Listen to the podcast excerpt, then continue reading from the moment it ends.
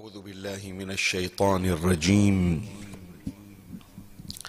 بسم الله الرحمن الرحيم. اللهم صل على سيدتي ومولاتي فاطمة وأبيها وبعلها وبنيها والسر المستودع فيها عدد ما أحاط به علمك وأحصاه كتابك. على الله في كل الأمور توكلي وبالخمس أصحاب الكساء توسلي. محمد المبعوث وابنيه بعده وفاطمة الزهراء والمرتضى علي. لذ اندهتك الرزايا والعيش دهرك نكد. بكاظم الغيظ موسى وبالجواد محمد زينة المجالس وسر التوفيق ونور القلوب في الصلاة على محمد وآل محمد.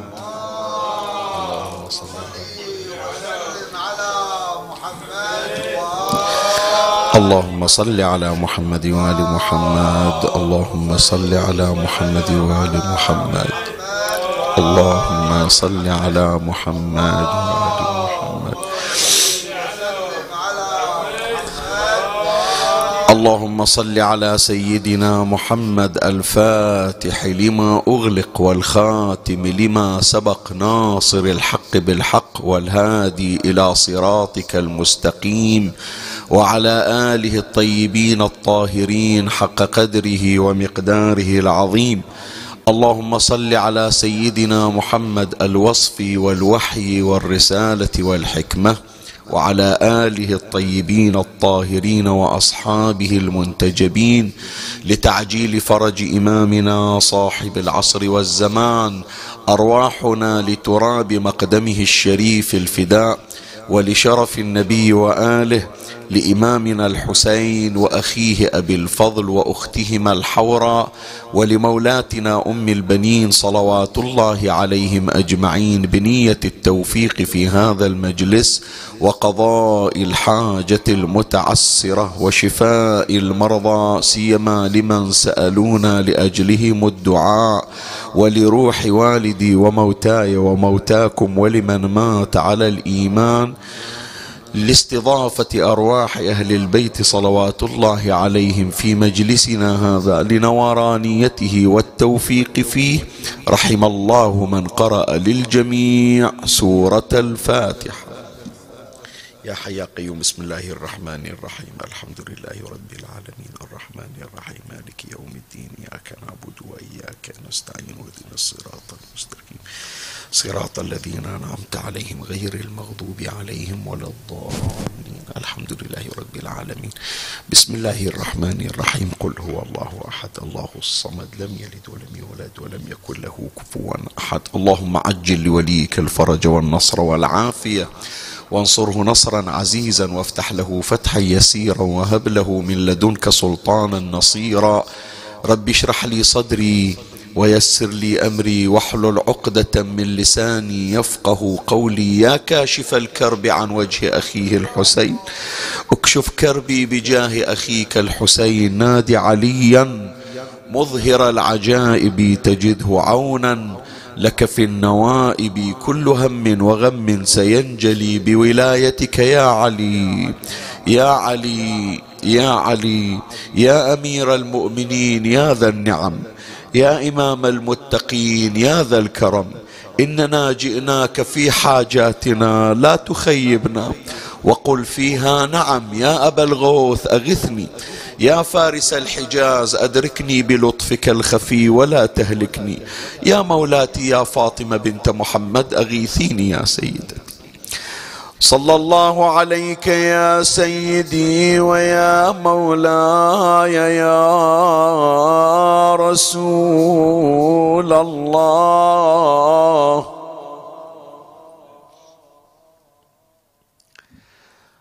صلى الله عليك وعلى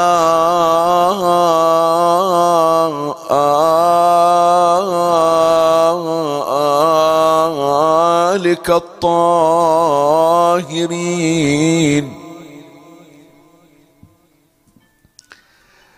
فاز من اعتصم بكم وامنا من لجأ إليكم.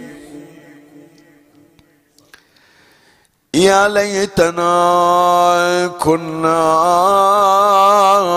معكم سادتي.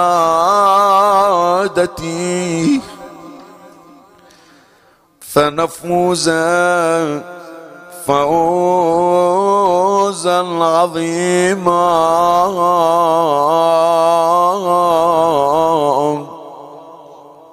يا غريب يا مظلوم كربلاء. يا دار يا دار قد ذكرتني بعراصك القفراء. عراص بني النبي الهادي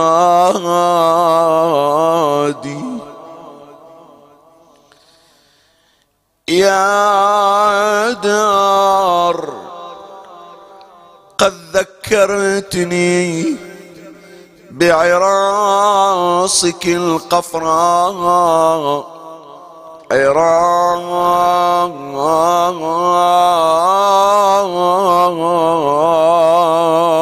بني النبي الهادي.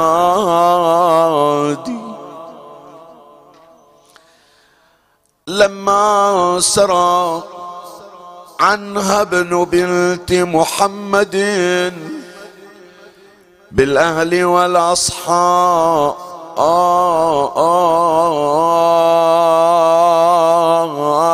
والأولاد. مذ كاتبوه بنو الشقاء أقدم فليس سواك نعرف من إمام. هادي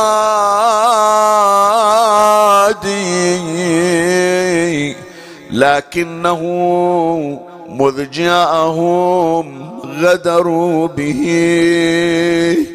واستقبلوه في ضبان وصعاد.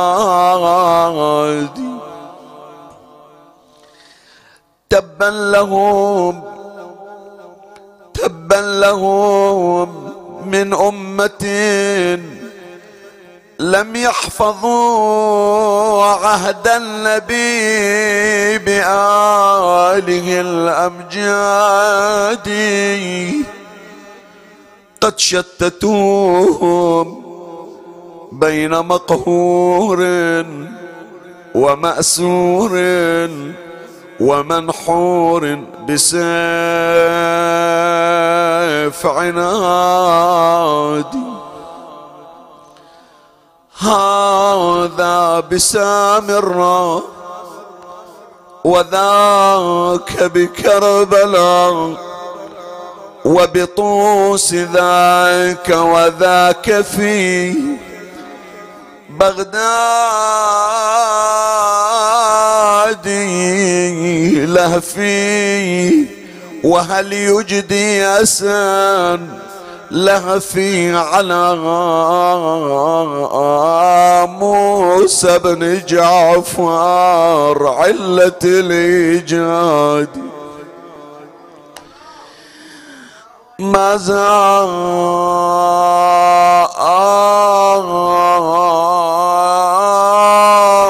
ينقل في السجون معانيا.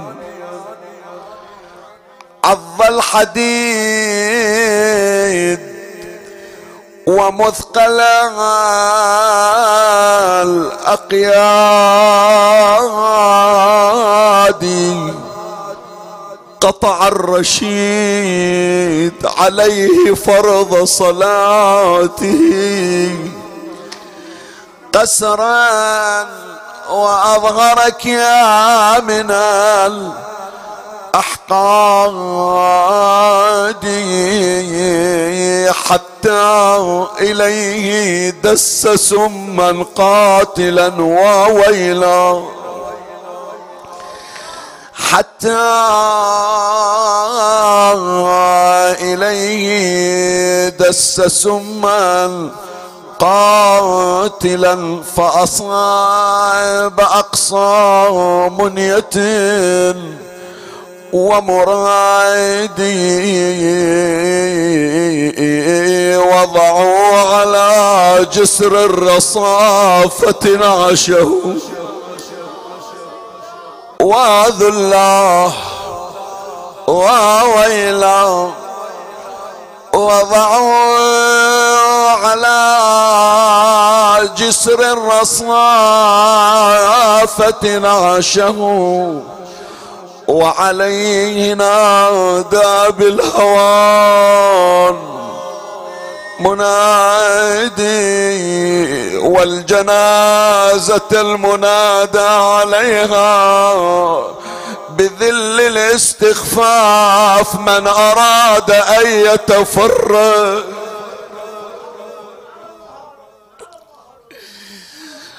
مرمي بجسر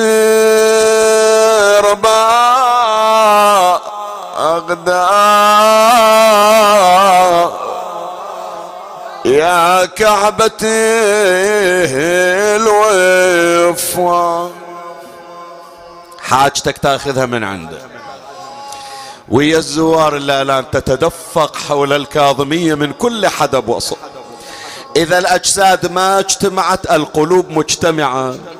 الأصوات كلها من كل أرجاء العالم توصل إلى ضريحة يتلقاها أبو إبراهيم. خليه يسمع صوتك. مرمي بجسر بغداد.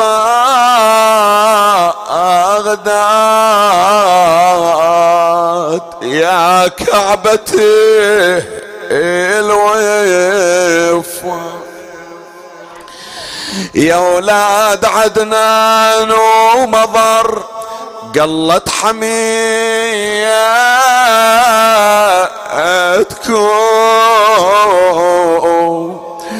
عن جسر بغداد انهضوا شيلوا ميتكم.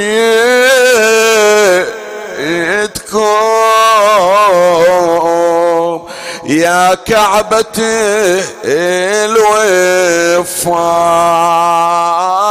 مرمي بج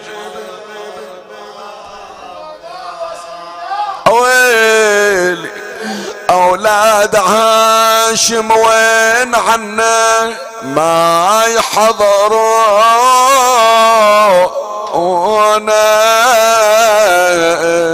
سمعني صوتك. منه حضر عنده ومنه غمض. آه. يا كعبتي الوفاد مرمي بجسد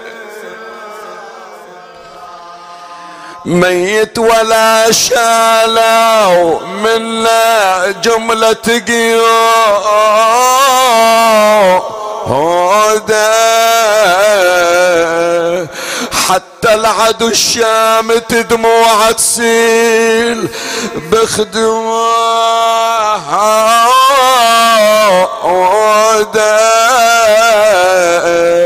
يا كعبة الوفاد مرمي بجسم هذه الأبيات لملا عطيه دخل عليه شيخ إبراهيم المبارك رحمة الله عليهما. قال خلي أشارك وياك. أنت تحكي ويا بني هاشم. خلك يا ملا عطية ويا بني هاشم. بس أنا عندي وحدة جارحة قلبي. أريد أحكي وياها. إيش عندك يا شيخ إبراهيم؟ قال يا زهرة عندكم جنازة. ومرمية بجسور باغداد شلون حالها ملفوفة بالعباية وعليها الغير الولاء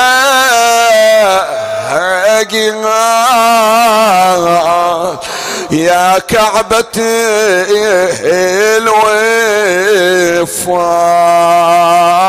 الوفاد مرمي بجسم.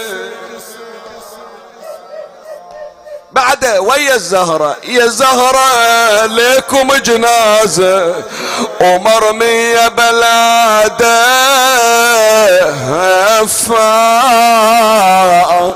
هالبيت إلك ترى تشبه جثة المظلوم هاللي من ذبح؟ آه. عطشان يا كعبتي الوفاد مرمي بجسم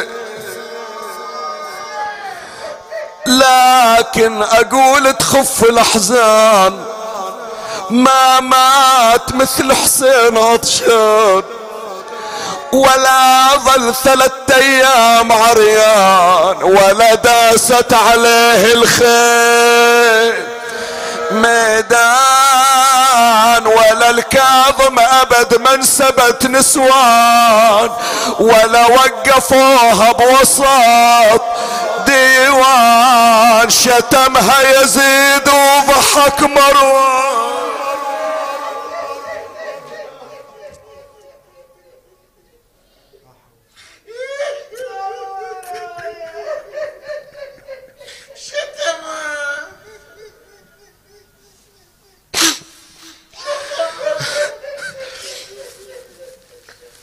إنا لله.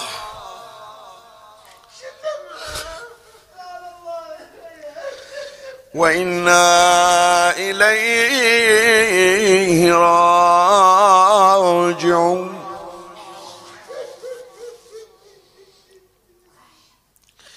قال إمامنا باب الحوائج. موسى بن جعفر الكاظم.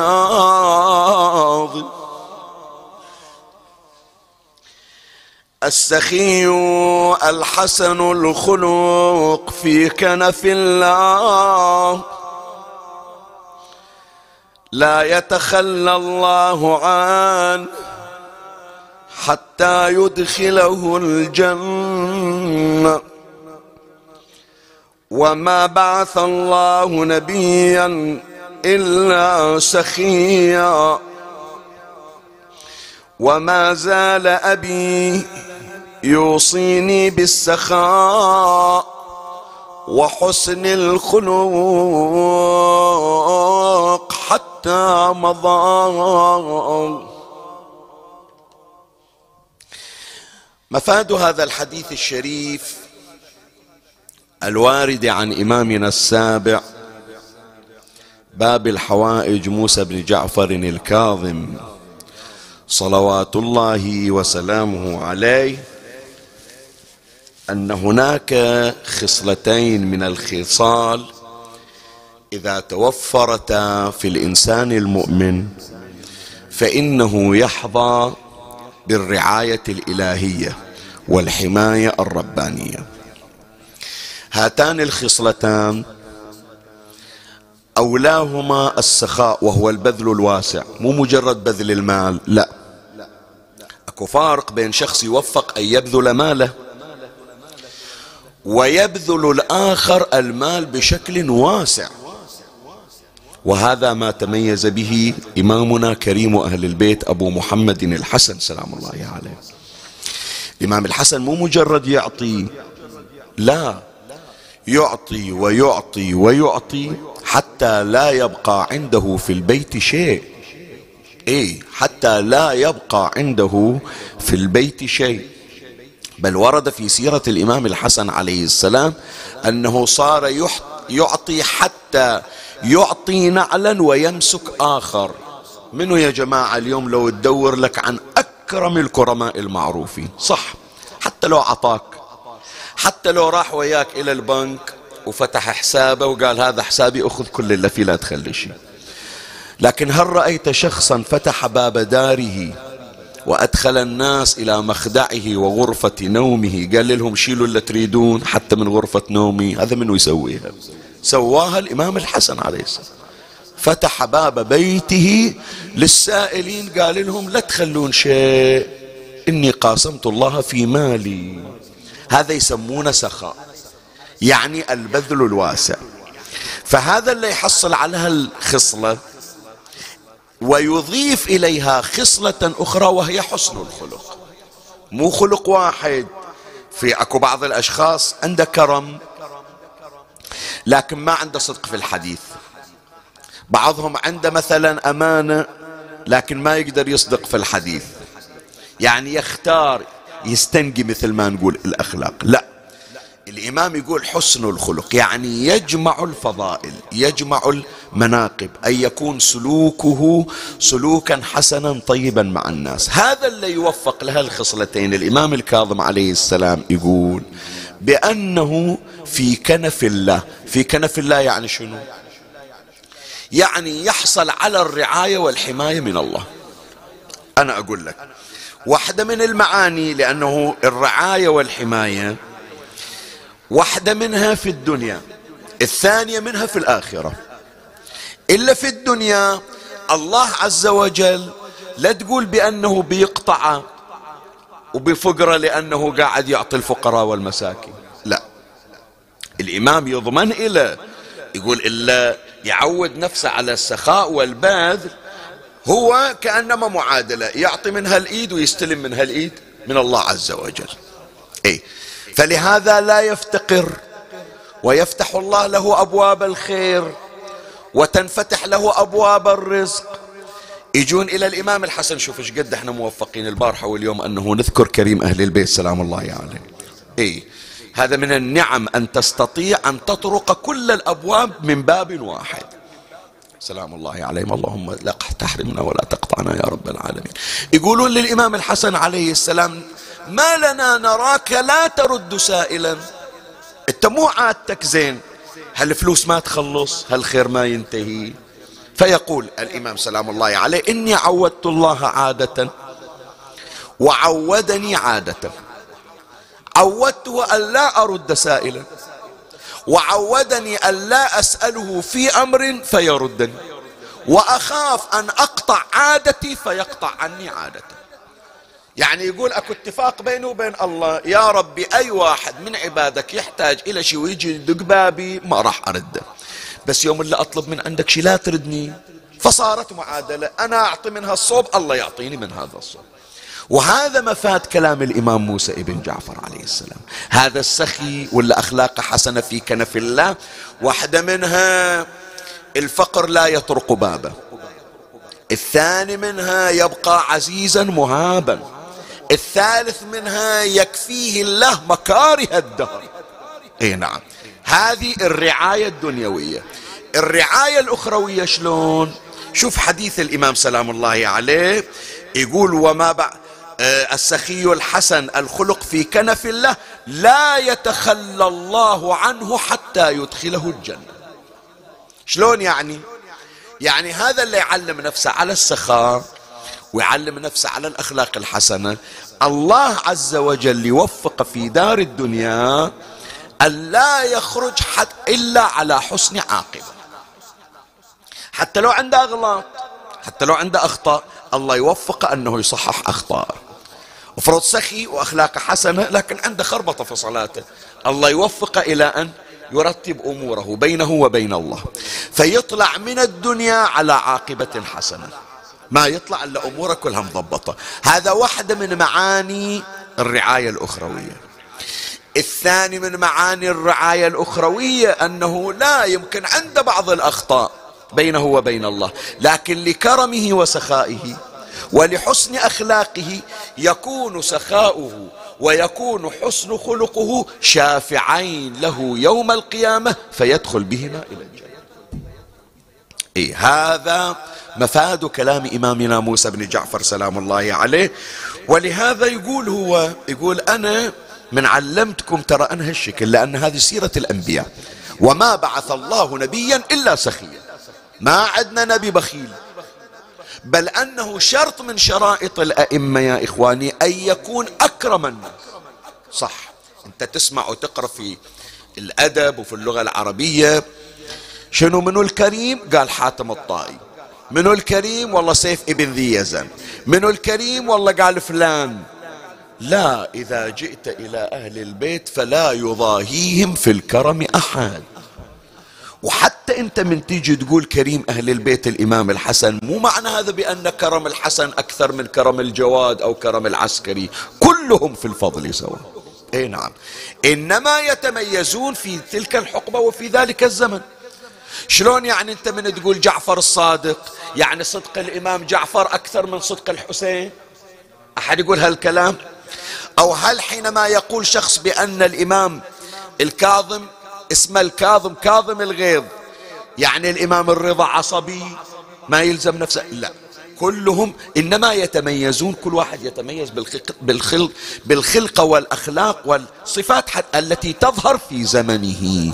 وإلا أي باب تطرقه من أبواب آل محمد تجد الكرم والسخاء عنده. إي والله ما يقصر. والليلة إحنا إن شاء الله في هذا المجلس اليوم نريد نتعرض إلى شيء من كرم الإمام سلام الله عليه. أبين لك لأنه القلوب محتاجة ترى من البارحة من قبل البارحة. حوائج الناس طلبات الناس حاطين حوائجهم على أعتاب باب الحوائج. موسى بن جعفر دخيل سيدي. إي والله. فلهذا يا إخواني الليل اليوم في هذا المجلس الشريف أريد أشوقكم أكثر إلى كرم الإمام سلام الله عليه. حتى تعرفون باب ما ينسد ومضرب مثل موسى بن جعفر مضرب مثل مو كرم عادي وسيمر علينا إن شاء الله.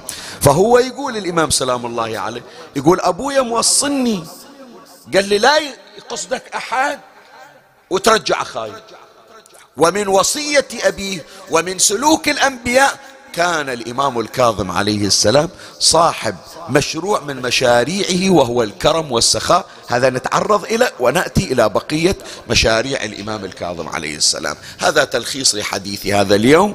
ومن الله نستمد العون والتوفيق. ومن مولاي أبي الفضل العباس المدد. وألتمس منكم الدعاء. ولروح إمامنا الكاظم عليه السلام ولروح جدته فاطمة. سلام الله عليها ثلاثا. بأعلى الأصوات صلوا على محمد وآل محمد.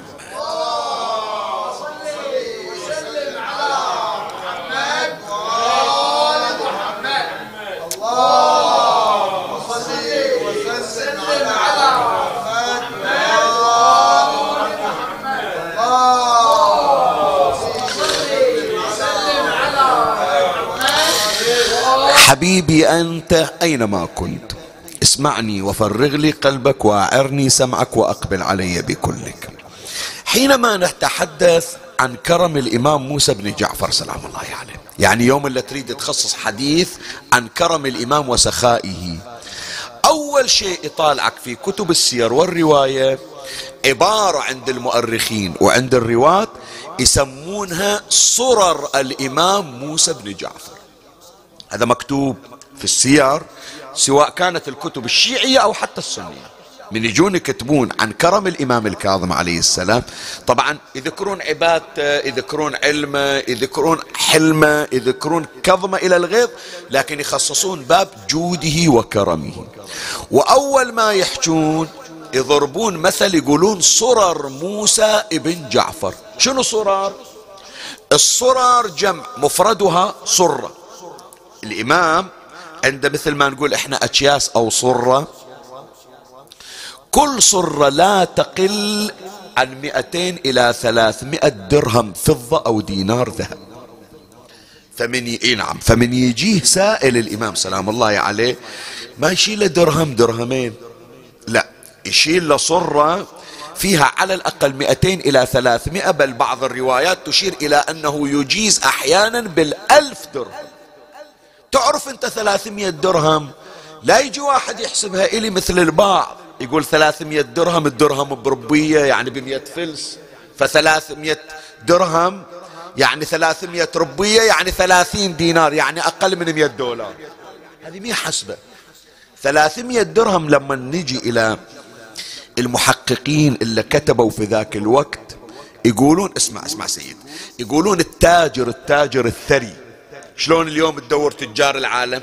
التاجر الثري لما يجي يسايلونه يقولون له لو السنة ما اشتغلت كم تحتاج حتى تعيش عيشة الأغنياء؟ يعني تقعد بس حاط رجل على رجل وتصرف من غير شغل. كم تحتاج بحيث معيشتك معيشة أغنياء؟ يقول سبعمية دينار تخليني أثرى أثرياء بغداد سبعمية درهم. تعيشه غني طيلة السنة.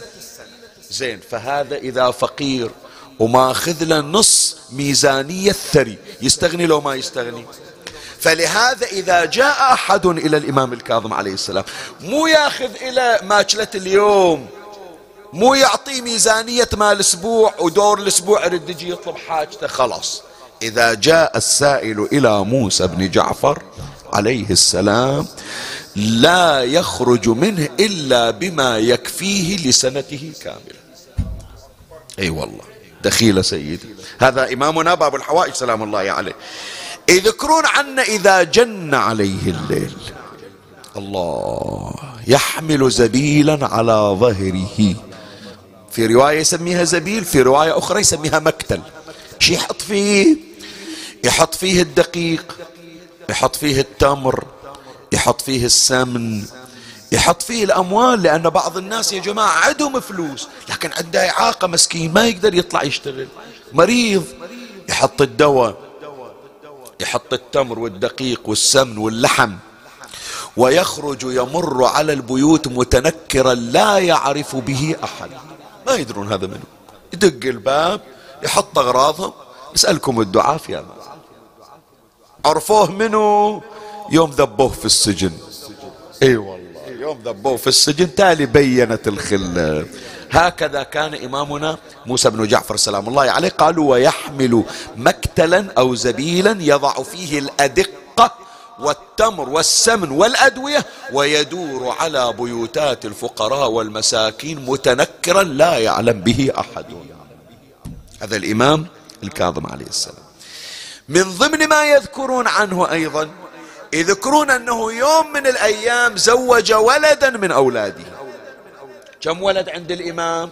بعضهم يقول ثلاثين بعضهم يقول أربعة وثلاثين بعضهم يقول عنده سبعة وثلاثين ولد من الذكور. كامل الذرية بين ذكور وإناث ستين وقيل أربعة وستين. إيه. ليش؟ جد السادة الإمام طبعا. السادة معظمهم موسويين. ليش؟ استهداف كان لأهل البيت. يريدون يقضون عليهم ما يخلون سلالة محمد وآل محمد. أبدا يقضون عليها الإمام سلام الله عليه قال لا أسوي أسرة. يبقى ذكر فاطمة. إنا أعطيناك الكوثر. وهذا من العلاقات بين موسى ابن جعفر وأمه فاطمة.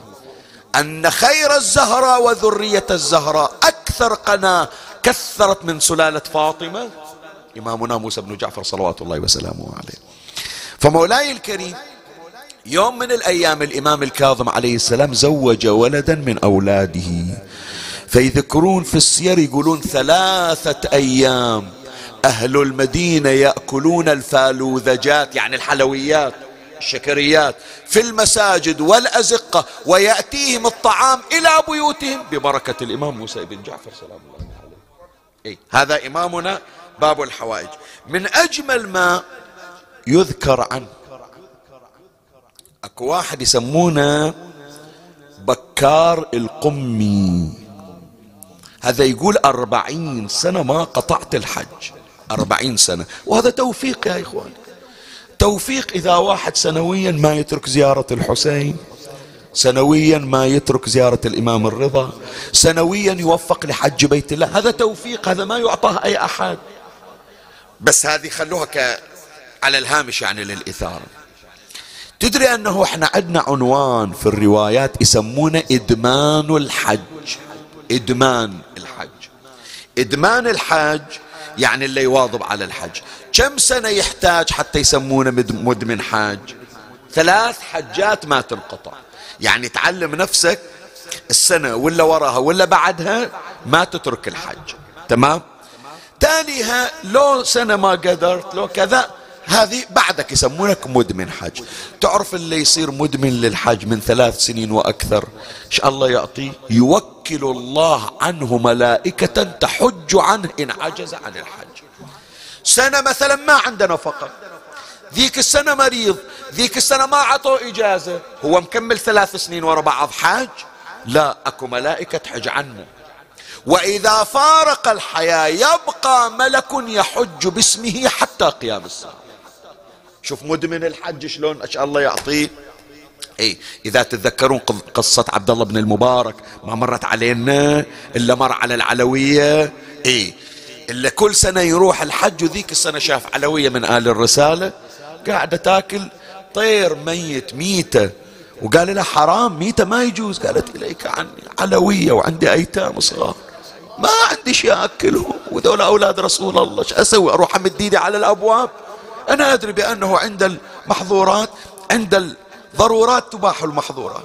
فأنا مو ما أدري. هو قال عمي أي حج مستحب حجتي في هالعلوية هذه. فشال المبلغ أعطاها إياه قال لها روحي الله يستر عليك. وانت؟ قال خلاص ما أنا رايح الحج. فلما عاد الحجيج كل واحد يقول له يا ابن المبارك رأيناك في الطواف رأيناك في السعي رأيناك في منى رأيناك في عرفة في مزدلفة. قال القضية شياع.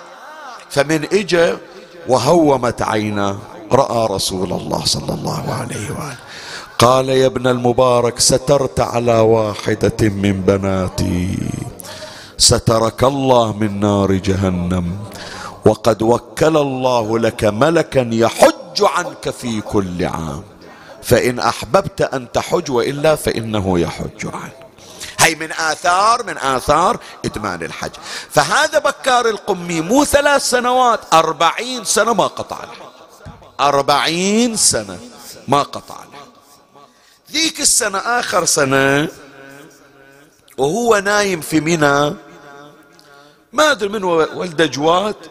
اجى حط إيده في أغراضه وسرق نفقته. إيه باقى في الحج في موسم الحج. لابس الإحرام ويا الحجيج حط إيده في أغراضه وأخذ فلوسه. زين هذا مو مثل الآن. حساب في البنك وحوالات وبنفت يطرشون إليك. فلوسه قولتنا إحنا الخرجية راحت فلوسه بعد من وين يصرف؟ إلا وياه قالوا يا بكار لا تخشى نعطيك فلوس. قال لا ما أقبل أنا رجال شريف ما متعود أمد إيدي إلى الناس. زين إيش بتسوي؟ قال حزت حاضر الزوار طالعين رايحين إلى المدينة أنا أروح أكمل زيارتي والله كريم. لم يرضى لشرفه أن يقترض فضلا عن أن يتسول ما رضى. قال أروح وزور النبي ولا قصد إنه ما يخيب. إيه. فطلع من مكة وجاء إلى المدينة وزار قبر نبينا محمد.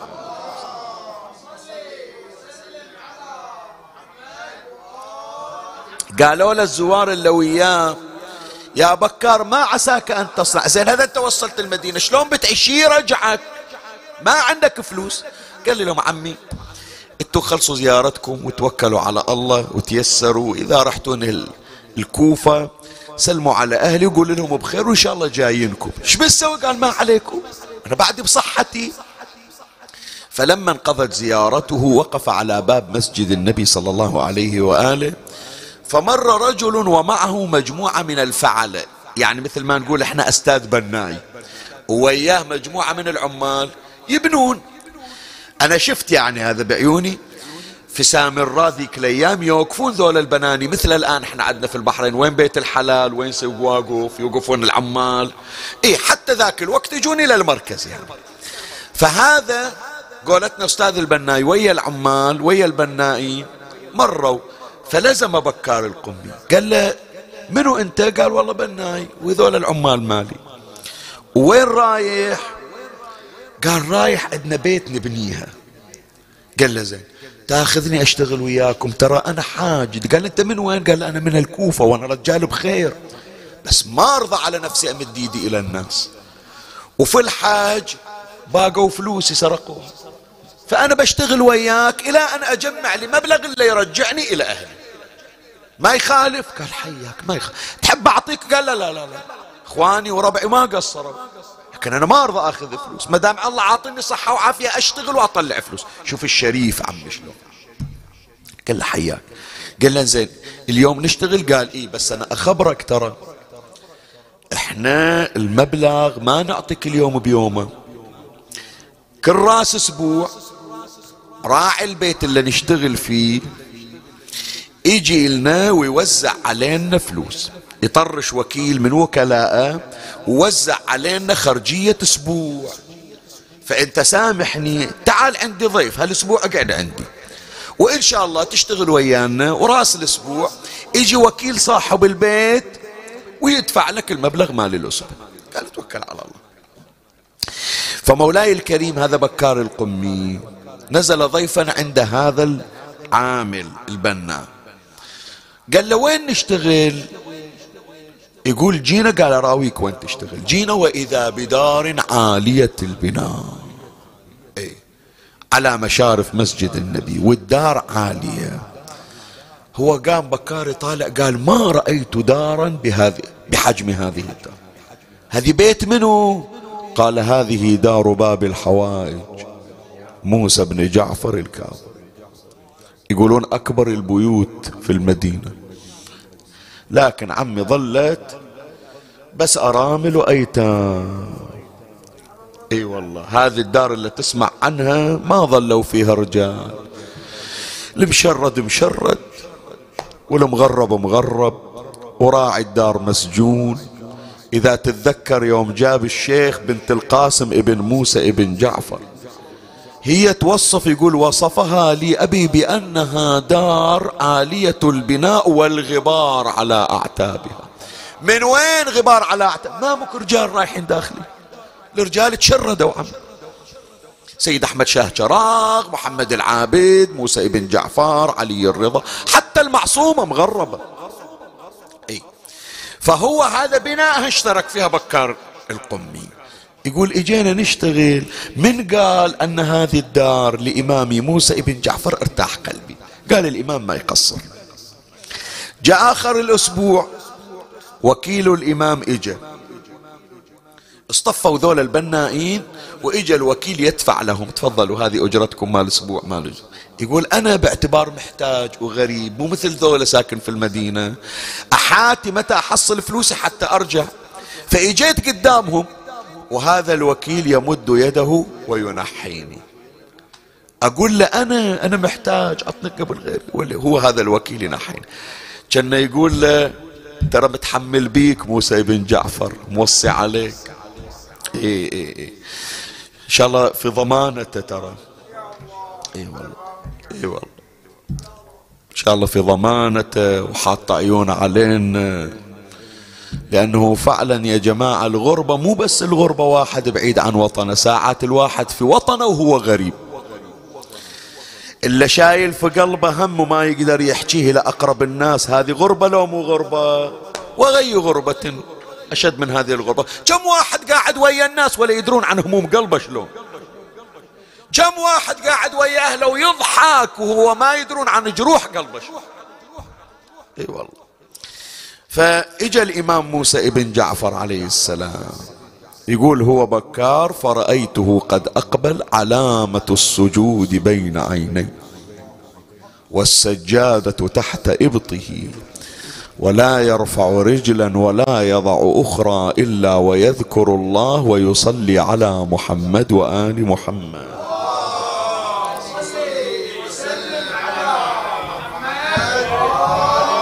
من وقف على الباب صاح بكار. قلت له لبيك سيدي. قال خلي اللي بإيدك وتعال.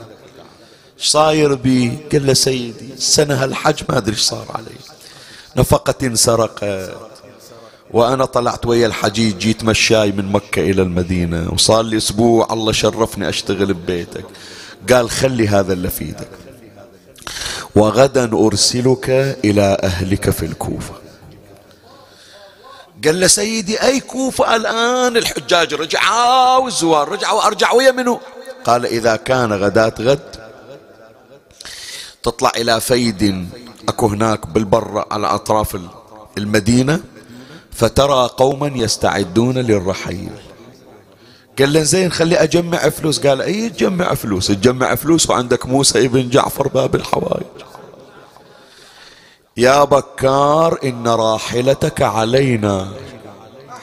إي والله. وهذه نفقتك وهذا هو المال الذي ضاع منك. تفضل. فلوس اللي أخذوه منها هذه إلك. وفلوس النفقة من عندنا الخرجية. ومو تروح تستأجر جمل لا الجمل إحنا اشتريناه إلك من فلوسنا الخاصة. وهذا كتاب احمله إلى وكيلي علي بن أبي حمزة. من توصل الكوفة أعطيه الكتاب قول له من عند إمامك موسى ابن جعفر. قال له سيدي وين أطلع من جزاك؟ أنا قبل رأسه ويديه ووقع على رجليه وطلع من الصبح وإذا الإمام مثل ما قال. ناس واقفة مستعدة تريد تسافر إلى العراق إلى الكوفة. من إجا شافه؟ قالوا له أنت بكار القمي. قال إيه نعم. قال هذا الجمل الذي اشتراه لك موسى بن جعفر. وهذه أغراضك. وأي شيء تحتاج إحنا خدامك موصلنا عليك. قال ديروا بالكم هذا من شيعتنا محمد سيد احسبنا من شيعتك يا مولاي احسبنا من المحبين. فيقول بكار القمي تحركت وصلت الكوفة. وهذا الكتاب عندي. يقول أصبح من الصبح أوديه إلى علي بن حمزة وكيل الإمام سلام الله عليه. علي بن أبي حمزة. أول ما دشيت البيت سلام عليه الحمد لله على السلامة متى الوصول؟ قال لا أنا موصل. بشروا شخبارنا قال شخبارنا. ما دريت إيش صار؟ قال لا ما دريت إيش صار إيش صار؟ قال دكانك حانوتك. قال إيه؟ قال توهم قبل أيام كسروا الدكان وسرقوا ما فيه قال إيش هالسنة هذه؟ فلوسي مباقت في الحج ما رجعت إلا دكاني هم مباق لكن السلامة في العمر عمي.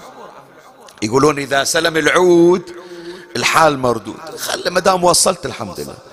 يقول قبل الصبح تو حاط راسي بنام وإذا الباب يطرق فتح الباب وإذا علي ابن أبي حمزة. ها ابن أبي حمزة؟ ترى الصبح باجي. قال مو الصبح أجي أنا اللي أجيك. سعيا على الراس لا سعيا على القدم. يا بكار أين كتاب إمامي موسى بن جعفر؟ قال له مجهزنا بعطيك يا باكر قال أنا جاينك. عطني إياه. يقول فلما أخذ الكتاب منه شم رائحة باب الحوائج.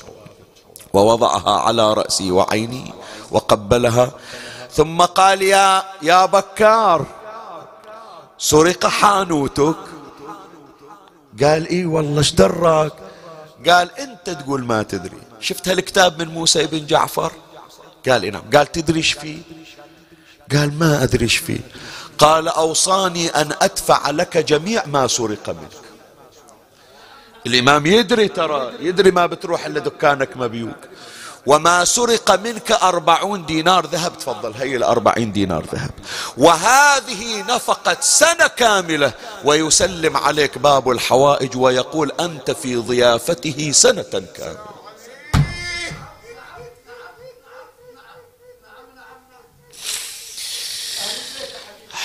عم نضيعهم عندنا رد علي. يلي تقول لي عندي حاجة متعسرة ولا عندي مريض علي أسى منه الأطباء ولا تقول علي يدين ما أدري. عندك باب الحوائج وتشتكي الحاجة؟ إي ما خاب من تمسك به وأمن من لجأ إليه فهذا سخاء وكرم إمامنا باب الحوائج لذكره. صلوا على محمد وآل محمد.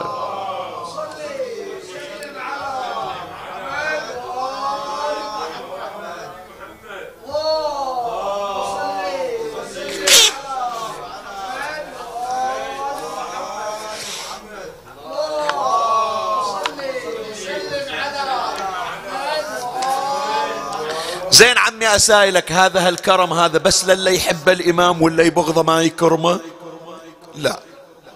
أهل البيت عليهم السلام كالشمس الطالعة بل هم أجل من الشمس فكرمهم لا يميز بين محب ومبغض. بل يعطون من أساء إليهم كما يعطون من وصلهم إي والله. يذكرون من ضمن ما ذكروه في حق الإمام سلام الله عليه يقولون إذا سمع واحد يحكي عليه شوف أهل البيت شلون شي يعلمون. إذا سمع واحد يحكي عليه قال جهزوا له صرة الذهب ورسلوها إليه. يحكي عليك قال ما يخالف. نحن قوم لا نزداد على المسيء إلا إحسان. إي والله هذا هو إمامنا موسى ابن جعفر سلام الله عليه. يوم من الأيام يا جماعة شوف تستغرب من هالقضية لو لا. ابن أخوه ابن أخو الإمام الكاظم ابن أخو احفظها محمد ابن إسماعيل ابن جعفر الصادق. إسماعيل ابن جعفر هذا أخو موسى ابن جعفر. ابن إسماعيل محمد ذاك اليوم مجهز روحه راح يطلع إلى بغداد. الإمام في المدينة. طلع للإمام موسى بن جعفر. العم جاي يسلم على ولد الأخ. العم طالع من بيتهم وهو الإمام جاي يسلم على ولد الأخو قال له يا ابن أخي إلى أين؟ قال له إلى بغداد. إيش عندك في بغداد؟ قال رايح إلى هارون الرشيد. ما يقدر يكذب قال له إيش عندك ويا هارون؟ قال له علي دين أريد سدادة. قال له يا ابن أخي اجلس في المدينة ودينك علي. أنا أسد الدين قال له يا عمي مؤونة عيالي. الدين خلصته أولادي شو يصرف عليهم؟ قال عيالك عيالي. أنا اللي داير بالي عليكم. عيالك عيالي. ابقى في المدينة وأنا أكفل عيالك. قال له أروح يعني أروح. أروح يعني أروح. هارون الرشيد أروح لا يعني أروح. قال له تروح؟ قال له قال له روح الله وياك. قال له زين عمي حاجة غرض شوف. حاجة غرض أحببت أن توصيني. قال له إيه عندي وصية قبل لا تمشي. قال له خير شنو الوصية عمي؟ قال يا ابن أخي الله الله في دمي لا تيتم عيالي. شوف هالبيت هذا كم أرملة وكم يتيمة. لا يضيعون دير بالك عليهم الله الله في دمي يا ابن أخي فلا تيتم عيالي. قال له لا قال له روح الله وياك. بس قبل لا تروح اصبر شوية. يا غلام. قال له نعم. قال علي بأربعة آلاف درهم.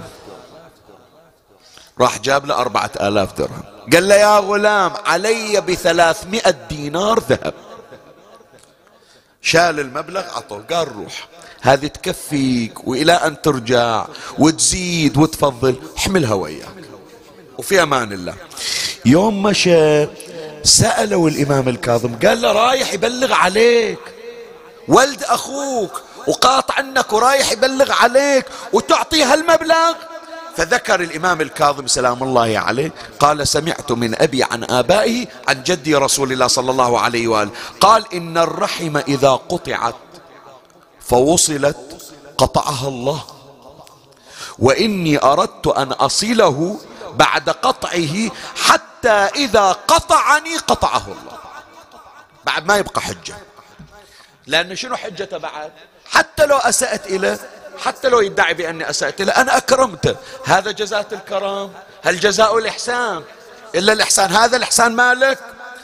لكن شوف عمي يسمونها حوبة موسى ابن جعفر. احفظها هذه. حوبة موسى ابن جعفر. شفت شلون شارت أبو فاضل؟ شارت موسى ابن جعفر أشد. شوف هذا محمد ابن إسماعيل. أول ما إجا ودخل على هارون الرشيد. إجا نص الليل ترى وصل نص الليل. إجا إلى القصر سادين بيبان القصر. صح للحاجب بطل الباب. وروح قعد هارون من النوم. قال له مو حزت زيارة تعال باكر. قال له الآن وإلا شكوتك إلى أمير المؤمنين. افتح الباب. عندي حاجة ضرورية. دخلوه وراحوا ونادوا هارون الرشيد اجى بثياب النوم.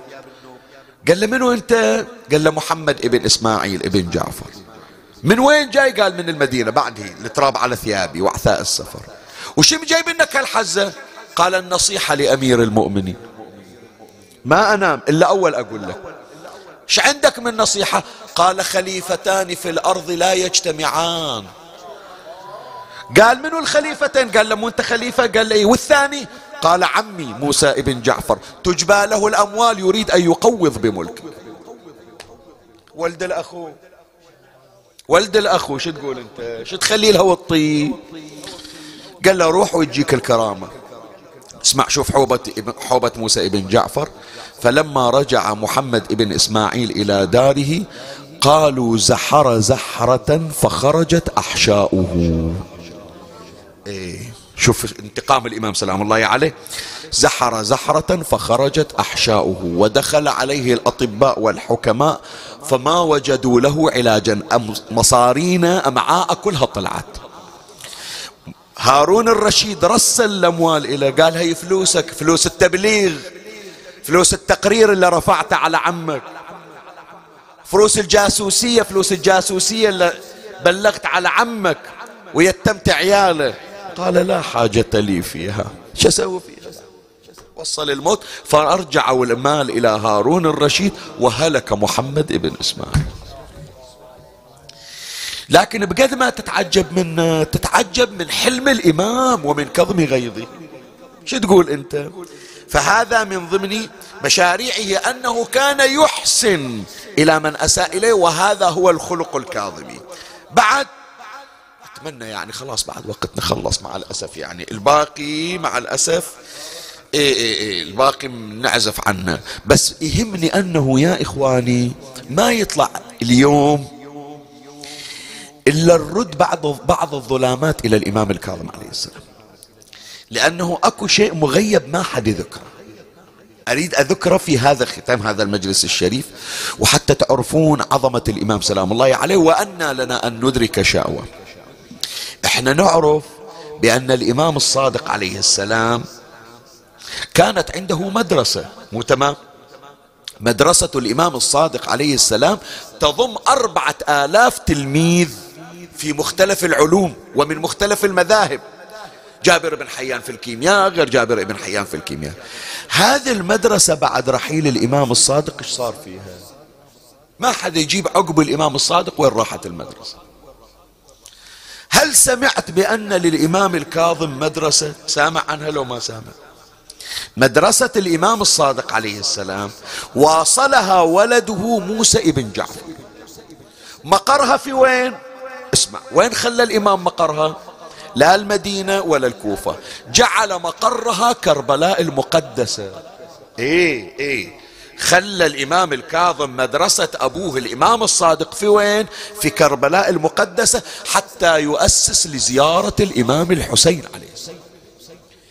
وكانت أكبر مدرسة لأهل البيت أكبر من مدرسة الصادق هي مدرسة الإمام الكاظم. وين مقرها؟ وانت طالع من مقام صاحب الزمان جاي على شارع السدرة. أكو هناك على الطرف اليسار يسمعون أهالي كربلاء يتذكرون أتصور يسمونه عقد السادة. هاكو هناك إلى الآن يسمونه مقام الإمام موسى ابن جعفر. إلى الآن موجود. في عقد من العقود يسمونه مقام الإمام موسى ابن جعفر. ترى هذه مدرسة موسى ابن جعفر. وكان الزائرون يأتون لزيارة الإمام الحسين ويلتحقون بهذه المدرسة فيتعلمون من علوم أهل وكان الإمام يستغل المواسم. في زمن المهدي العباسي سنة 190 169 للهجرة إلى 100 إلى سنة 170 للهجرة حتى جاء هارون الرشيد فأغلق تلك المدرسة. وبذلك انتهى عصر مدارس أهل البيت وختمت بمدرسة الإمام الكاظم عليه السلام. ختاما من ضمن ما صنعه الإمام الرضا عليه الإمام الكاظم عليه السلام أنه انفتح على المذاهب الأخرى. الإمام ترى ما قال بس أنا ويا شيعتي لا. تقرب من المذاهب الأخرى فصار محبوبا من الكل. روح شوف اليوم ضريح الإمام موسى بن جعفر لبالك بس شيعة؟ شيعة سنة مسيح. الناس تجي من كل حدب وصوب تطلب حوائجهم وتجي في كتب السنة تاريخ الخطيب البغدادي يقول وقبره مجرب للحوائج المتعسرة. وشفاء المرض هذا من زمن الإمام موسى ابن جعفر. أذكر هذه القضية وهي مسك الختام. يقول جاء أبو يوسف القاضي ومحمد ابن الحسن هذولا تلامذة أبي حنيفة النعمان. إذا عندهم مسائل يروحون لمنو؟ لباب الحوائج موسى ابن جعفر سلام الله في وين يجون إلى؟ مو في المدينة يجون له في السجن في سجن السندي بن شاهي يجون يدقون الباب على السندي سووا لنا طريق هذا عالم آل محمد راهب آل محمد نريد نتعلم من عنده. بس نسايله ونطلع. الإمام أثر على كل من حوله إلا على السندي بن شاهك. ما قدر عليه. الإمام لأن قلبه قد تحجر بغضا على الإمام سلام الله بس السندي ابن شاهك عنده مولى خادم هذا قلبه يحون. صار يحب الإمام الكاظم. اخت السندي ابن شايك شوف العجائب شلون. اخت السندي ابن شايك من وراء أخوها السندي؟ تجي إلى الإمام الكاظم وتجيب له الطعام وتجيب له الشراب الشراب وتفرش له المصلى وتسأل منا الدعاء وتقول ما رأيت أحدا في عبادته؟ ثم تمضي إلى أخيها السندي تقول له الله الله في هذا العلوي هذا ريحة فاطمة الزهر. فلا يزداد عليه إلا بغضا. فيوم من الأيام إجا هذا أبو يوسف القاضي وإجا محمد ابن الحسن تلميذ أبي حنيفة النعمان وطلعوا الإمام بالسلاسل والقيود يجاوب على المسائل والقيود والحديد في يديه ورجليه. السجان الموكل به وهو مولى السندي ابن شاهك اجى إلى الإمام الكاظم فأخذ يده وقبلها. قال له سيدي قد انقضت نوبتي. مثل ما نقول إحنا زامي خلص ما راح أجي إلا باكر. فسيدي هل لك حاجة أقضيها لك قبل أن أمشي؟ شوف شلون الإمام دخل حبه حتى في قلوب الأعداء. قال له قبل لا أطلع ترى ما باجيك إلا باكر. عندك حاجة أسويها إلك؟ قال له لا روح الله وإياك. جزاك الله خير الجزاء. مشى. هذا الخادم هذا المولى مولى السندي بن شاكر الإمام تبسم. قال يسألني الحاجة ولا يعلم بأنه سيموت الليلة. إيه شوف علوم أهل البيت. يسألني إن كانت لي حاجة ولا يعلم أنه سيموت هذه ما بيبدي يجيني باكر. باكر جنازة بيدفنونه. إيه فهذول هذول سنة أبو يوسف القاضي ومحمد بن الحسن. قال له نسألك عن الحلال والحرام. إحنا جايين نسائلك عن حلال وحرام وطهارة ونجاسة. تعلمنا الغيب. من أين لك هذا؟ قال من باب مدينة علم رسول الله من جدي علي بن أبي طالب.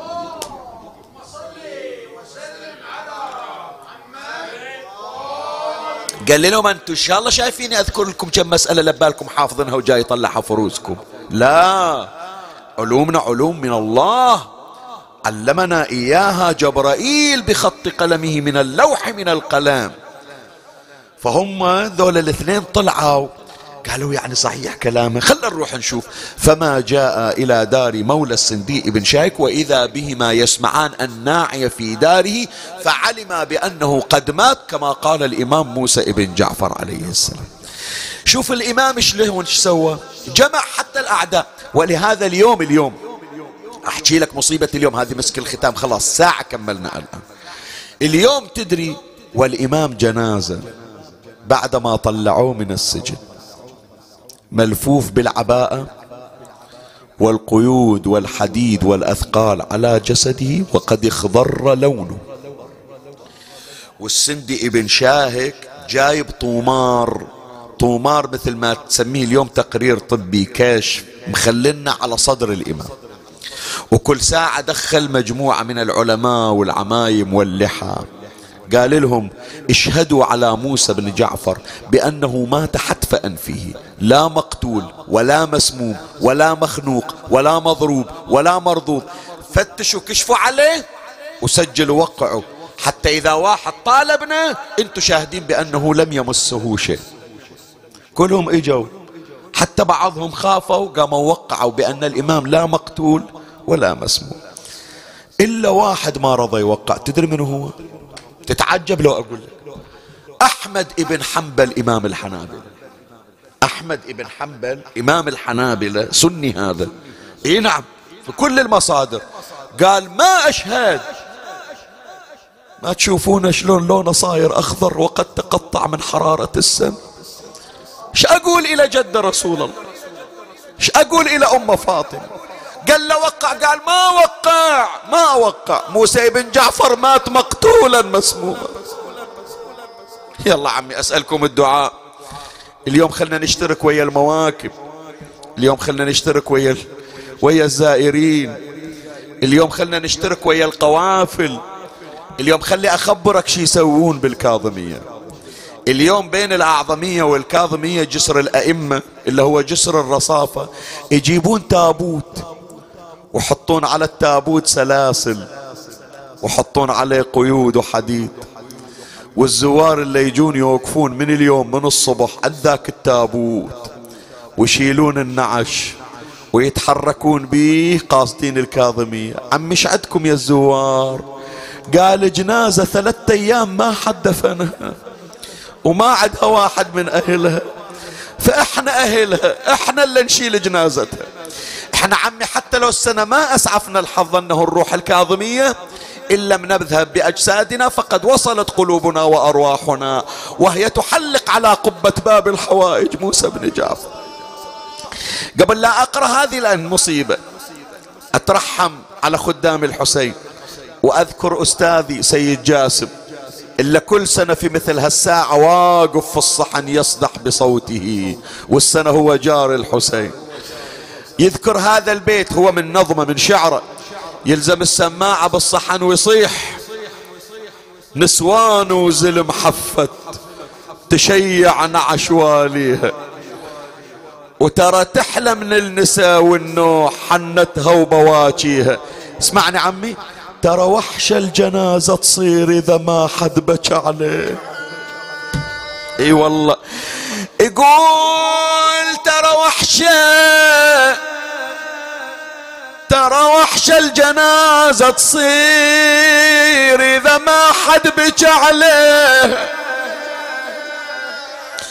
عظم الله أجوركم. أحسن الله لنا ولكم العزاء. وبقي إمامنا وبقي إمامنا سبعة عشر عام من سجن إلى سجن. ومن طامورة إلى طامورة حتى ورد في زيارته المعذب في قعر السجون. وظلم المطامير. حتى جاءوا به إلى سجن السندي بن شاهك فأقبل بثلاثين رطلا من الحديد.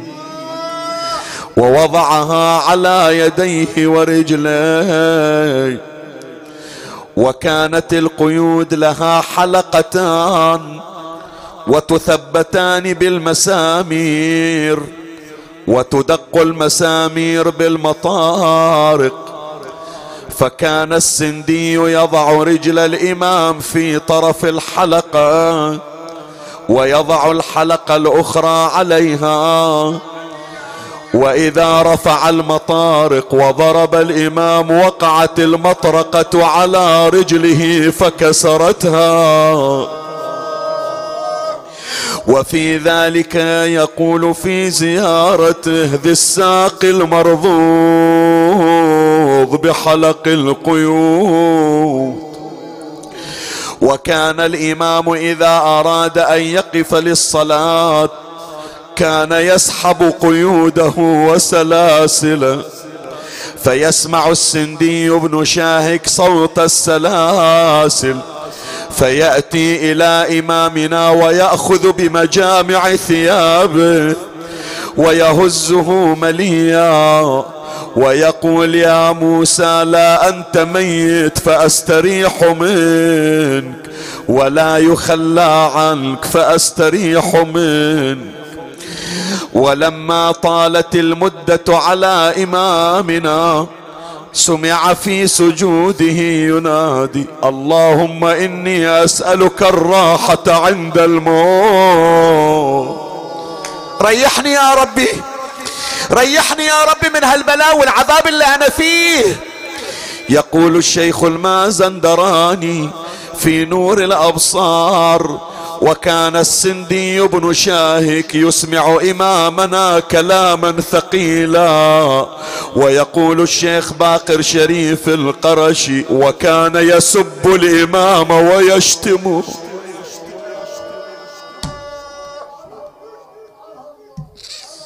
لا تتأذى من أحكي لك هالحكاية؟ لا ينكسر خاطرك من, من تسمع هالحكاية؟ بس يذكرها بعض الفضلاء. يقولون ووضعوه في مكان لا يعرف فيه الليل من النهار. وكان الإمام إذا أراد أن يخرج حتى يستنشق بعض الهواء يأتي إليه السندي بن شاهك فيلطمه على وجهه.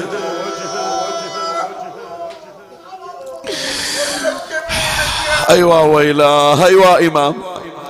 فلما زادت المحن على إمامنا رفع يديه إلى السماء وقال اللهم إني أسألك يا مخلص اللبن من بين فرث ودام ويا مخلص الولد من بين مشيمة ورحيم ويا مخلص الشجر من بين رمل وطين وماء ولا مخلص النار من بين الحديد والحجر ويا مخلص الروح. من بين الأحشاء والأمعاء. يا ربي يا سيدي خلصني من سجن هارون. إيش سوى فيه حتى يدعو هذه الدعوة؟ بس هالكلمة لما قارنها صار لي مدة. أريد أقرأها حتى تعرف عزازتك عند موسى ابن جعفر. يقول الشيخ المازندراني في نور الأبصار ويقول الشيخ باقر البيرجندي في الكبريت الأحمر وفي ذات يوم جاء السندي بن شاهك يحمل قيودا جديدة قال يا موسى قدم يديك ورجليك حتى أضع القيود والحديد فيهما. قال ما كنت بالذي أعين على نفسي اسمعني. فقال السندي يا موسى إن لم تقدم يديك قصدت شيعتك ووضعت الحديد في أيديهم. ما تعطيني مهلة؟ أريدك تبكي في آخر الكلمة. يقبل الإمام على شيعته؟ قال الراوي فلما سمع الإمام الكاظم مد يده قال أما إذا وصل الأمر إلى شيعتي فقيدني واترك شيعتي.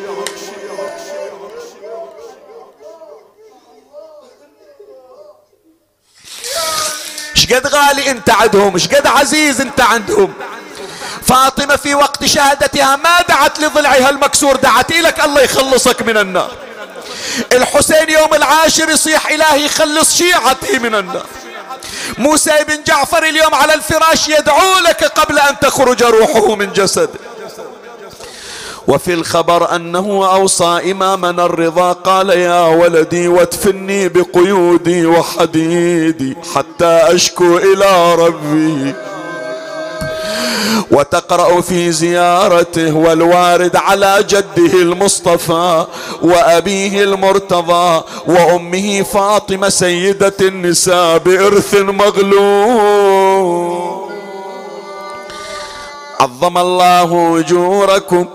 أحسن الله لنا ولكم العزاء ولما طال البلاء على إمامنا ذاقه ضاق هنالك هارون الرشيد ذرعا فأمر بأن يدس إليه سم في رطب فأقبل السندي بن شاهك يحمل طبقا فيه رطب كان قد أجرى فيه السم بخيط فقدمه بين يدي إمامنا موسى بن جعفر فقال اللهم إنك كنت تعلم اللهم إنك كنت تعلم أني لو أكلته قبل هذا اليوم لتقدم أجلي. ثم قال إنا لله وإنا إليه راجعون. ثم تناول سبع حبات من الرطاب وأكل منها الإمام فأحس بأن أحشاه تتقطع. وأمعاءه تتجرح فتوقف عن الطعام. قال السندي كل يا موسى قال حسبك لقد بلغت مراده. الابيات البارحة اللي قريتها لازم أقراها اليوم. ما أريد اليوم يطلع أخاف واحد تو جاي المجلس أريده يسمع ويبكي بعد. الكاظم بصحن الرطب حطوا لسام. بس أبو السجاد سمى بكل سهم. بكل سهم مرة يموت من الألام وسهم المثلث طلع من الظهر سبع رطبات مو أكثر المكثر يقول عشرة فيها سم. وقطعت أحشاءه. وحسين جلده كالقنفذ من رشق السهام أعطني مهلة. أبوس إيدك أعطني مهلة. الكاظم لما يفز من غشوته ما لقى السجان قابض شيبته. أكمل لو أسكت. ما لقى واحد يقطع رقبته.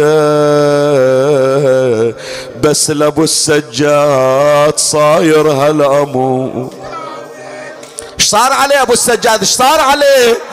بس لابو السجاد هالمطلب جرى. الشمر جاله وهو ماسك خنجره. بخنجرة ظل يقطع منحرة وانفصل راسه من فوق النحر.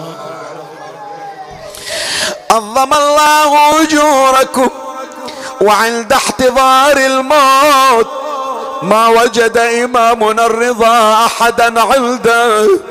فوجه وجهه إلى جهة القبلة وأسبل يديه ومد رجليه وصار يقرأ القرآن وصوته يتقطع ويؤن أنينا يقطع القلوب ويفتت الأكباد شفت الصرخة اللي صرختها أريد من عندك صرخة أرفع من عندها وصل أنينه إلى هارون الرشيد. أشار إلى السندي بن شاهك.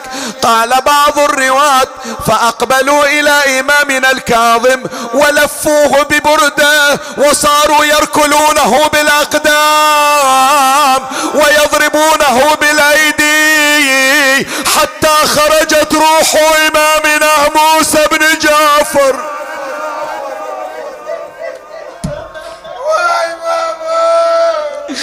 أين الصارخ وإمامه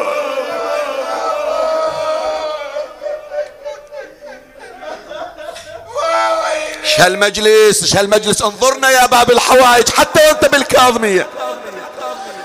اجا السندي إلى هارون. سيدي خلاص قرة عينك مات وافتكينا من عنده راح. قالوا ليش جايني؟ قال جاي اسألك شلون انطلع من السجن؟ غريب ما عنده أحد. لا عنده ولد يجيله ولا عنده أهل ولا عنده بنية تنعي راسه ولا عنده أم حاضرة عنده. منو يشيله؟ منو يطلعه؟ قال يا سندي ائت بأربعة من الحمالين واجعلهم يخرجونه من السجن. مضى السندي بن شاهك جاء بأربعة من الحمالين. لما دخلوا إلى الطاموره وإذا بجنازة نحيلة الجسد ملفوفة بالعباءه القيود والحديد على يديها ورجليها وصدرها. هموا أن يرفعوا جنازة الإمام فما تمكنوا من ثقل الحديد. شو نسوي ما ينشال قال السندي أجيب لكم قطعة خشب. وسحبوا الجسد وحطوه على قطعة الخشب وطلعوه مسحوب. جاء لهم بقطعة من الخشب أخذوا يجرون الإمام بسلاسله تعطيني مهلة شوية تجلد شوية تجلد فلما رفعوا تلك الخشبة ما تمكنوا من إخراجه على الدرج.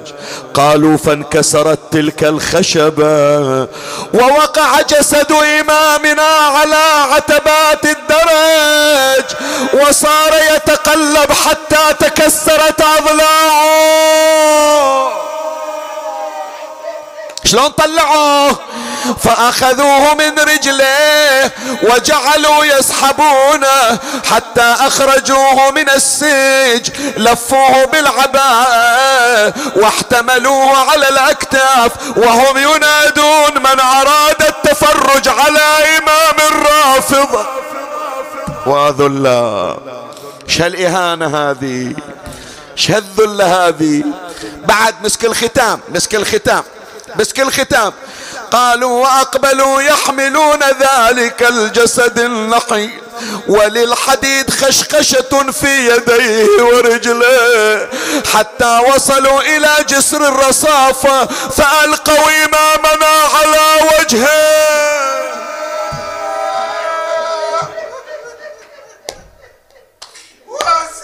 ارحم روحك شوي. شنو عاشر اليوم؟ مقتل صار هذا مصرع. بعد. ثلاثة أيام على الجسر تصهره الشمس بحرارتها. بالعزيز عليكم.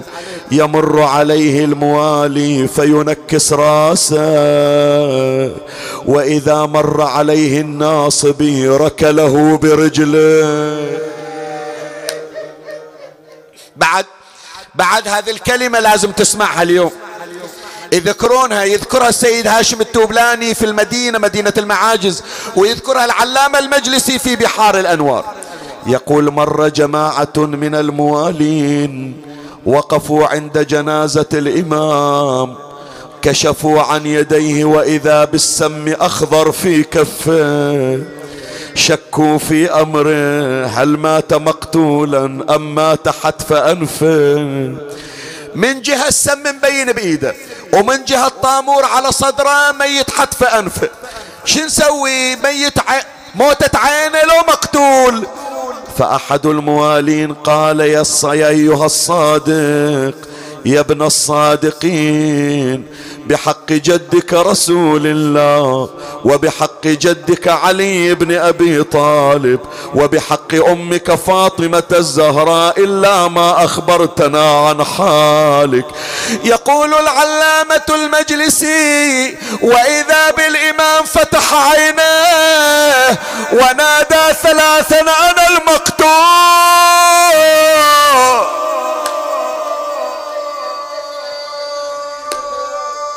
حاجتك تقدمها الآن. حاجتك الآن قدمها. حاجتك الآن اطلبها في هالمصيبة اطلبها. قالوا وجاءت امرأة رائحة المسك على ثيابها. قالت لها إحدى النساء ما تستحين تضعين الطيب على ثيابك؟ قالت والله ما وضعت طيبا إنما مررت على جسر الرصافه فرأيت جنازة ملفوفة بالعباءة والحديد عليها تفوح منها روائح المسك والعنبر. وهذه رائحة إمامي باب الحواي منكم يا هل بغداد منكر. ابدا ولا واحد استنكر من هالذي بالحبيل ينجار. هذا ما هو موسى بن جعف شعيد شعيد أقرأ لك؟ شعيد. منكم يا هل بغداد منكر. أبدا ولا واحد استنكر من هالذي بالحبل ينجار. هذا ما هو موسى بن جعفر. أخذ الأحر من عنده أخذ الأحر من عنده بالشدة تنخى حلال المشاكل علي. وينك يا داح الباب يا مكلم وحشها؟ متزلزلة سبع السماوات وعرشها. إيش صاير؟ جنازة بجسر بغداد ما شالوا نعش. بالسجن قضى العمر ما رد المدينة. نادى المنادي على الجسر قوموا اندهينا. سمعني صوتك. شفتون ميت بالحديد مقيدين. والشيعة يا ريتك نظرت صار فيهم. يترقبون ساعة ويطلع إليهم. لانها يا زهرة حلت مصيبة. عليهم نستهم أيام الفرح وأيام الأعياد. إيش صاير؟ ذاك الذي يترقبون في مجيه والناس مشتاقة إلى زينة حكية. نادوا عليه هذا إمام الرافضية وجابوا الجنازة ومددوها بجسر بغداد. اسمعني ظلت الشيعة بالسكك تمشي بحيرة. كل من ينادي ودمعته بخده غزيرة. هالبيت انت اقرأ. هالميت اللي مات ما عنده. هالميت اللي مات ما عنده عشيرة يدفنونه بقبره على جاري الموتى. عادة الميت بوقت موته تصير لما أولادك لها حاضرة وأولاد. عمه وابنك يا زهرة مات ما حد حضار اسمعني يا أبو عمار. ابنك يا زهرة مات ما حد حضر. يما ميت ومتحسر على شوفة الاولاد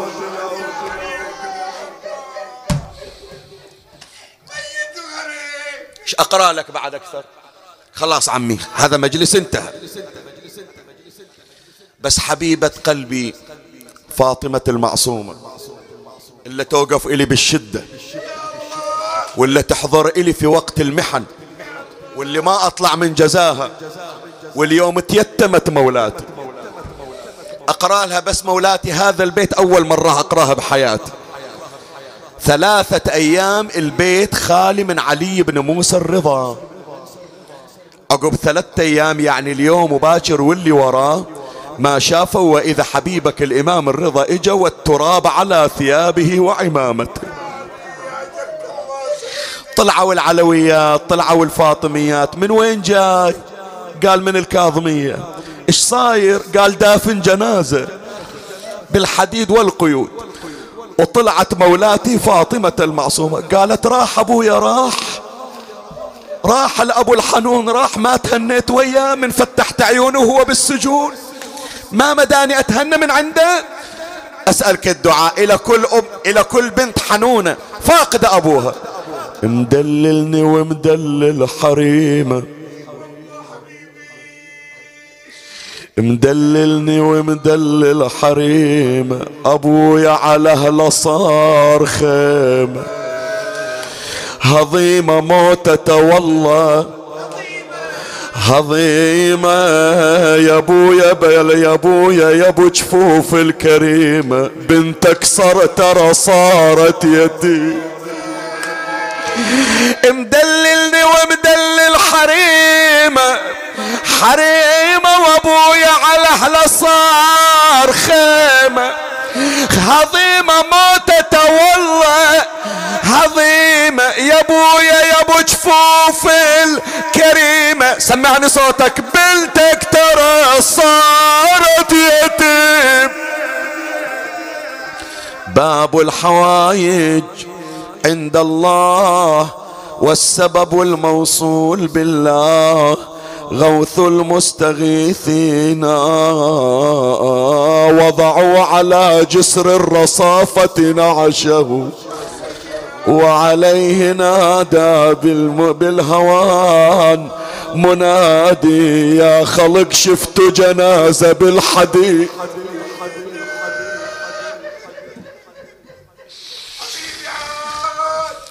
اللهم صل على محمد وآل محمد. أمن يجيب المضطر إذا دعاه ويكشف السوء. أمن يجيب المضطر إذا دعاه ويكشف السوء. أمن يجيب المضطر إذا دعاه ويكشف السوء. يا الله يا مدبر الأمور يا باعث من في القبور. يا مجري البحور يا ملين الحديد لداود عليه السلام. صل على محمد وآل محمد وافعل بنا ما أنت أهله ولا تفعل بنا ما نحن أهله. جميعا يا أحبتي اللي عدنا في المجلس ولا ويانا في البث 14 مرة نهدي صلوات إلى إمامنا الكاظم وتقدمون حوائجكم وتخصون المحتاجين الذين سألون الدعاء. اللهم صل على محمد وآل محمد. اللهم صل على محمد وآل محمد. اللهم صل على محمد وآل محمد. اللهم صل على محمد وآل محمد. اللهم صل على محمد وآل محمد. اللهم صل على محمد وآل محمد. اللهم صل على محمد وآل محمد. اللهم صل على محمد وآل محمد. اللهم صل على محمد وآل محمد. اللهم صل على محمد وآل محمد. اللهم صل على محمد وآل محمد. اللهم صل على محمد وآل محمد. اللهم صل على محمد وآل محمد. اللهم صل على محمد وآل محمد وعجل فرجهم والعن عدوهم. عدد ما حاط به علمك وأحصاه كتابك. اللهم إني أهديت ثواب هذه الصلوات المباركة الشريفة إلى روح وضريح سيدي ومولاي باب الحوائج موسى بن جعفر. موسى بن جعفر الكاظم عليه السلام وأسألك اللهم بحقه عليك أن تمن علي وعلى إخواني المؤمنين والمؤمنات سيما من سألوني الدعاء بقضاء الحوائج وبلوغ المراد. يا الله قدموا حوائجكم ألتمسكم الدعاء لمن سألونا. إلهي بجاه باب الحوائج اقض حوائجنا. إلهي بجاه حفيده محمد الجواد بلغنا مرادنا يا الله. ترحم على أمواتي وأموات الباذلين. عجل اللهم فرج إمامي صاحب العصر والزمان. شرفنا برؤيته وارزقنا شرف خدمته. وارض اللهم قلبه عنا فإن في رضا قلبه رضاك. ترحم على موت السامعين والباذلين والمؤمنين. فإنما كانوا في مشارق الأرض ومغاربها. أوصل لهم ثواب هذا المجلس وبلغهم ثواب الفاتحة. مع الصلوات.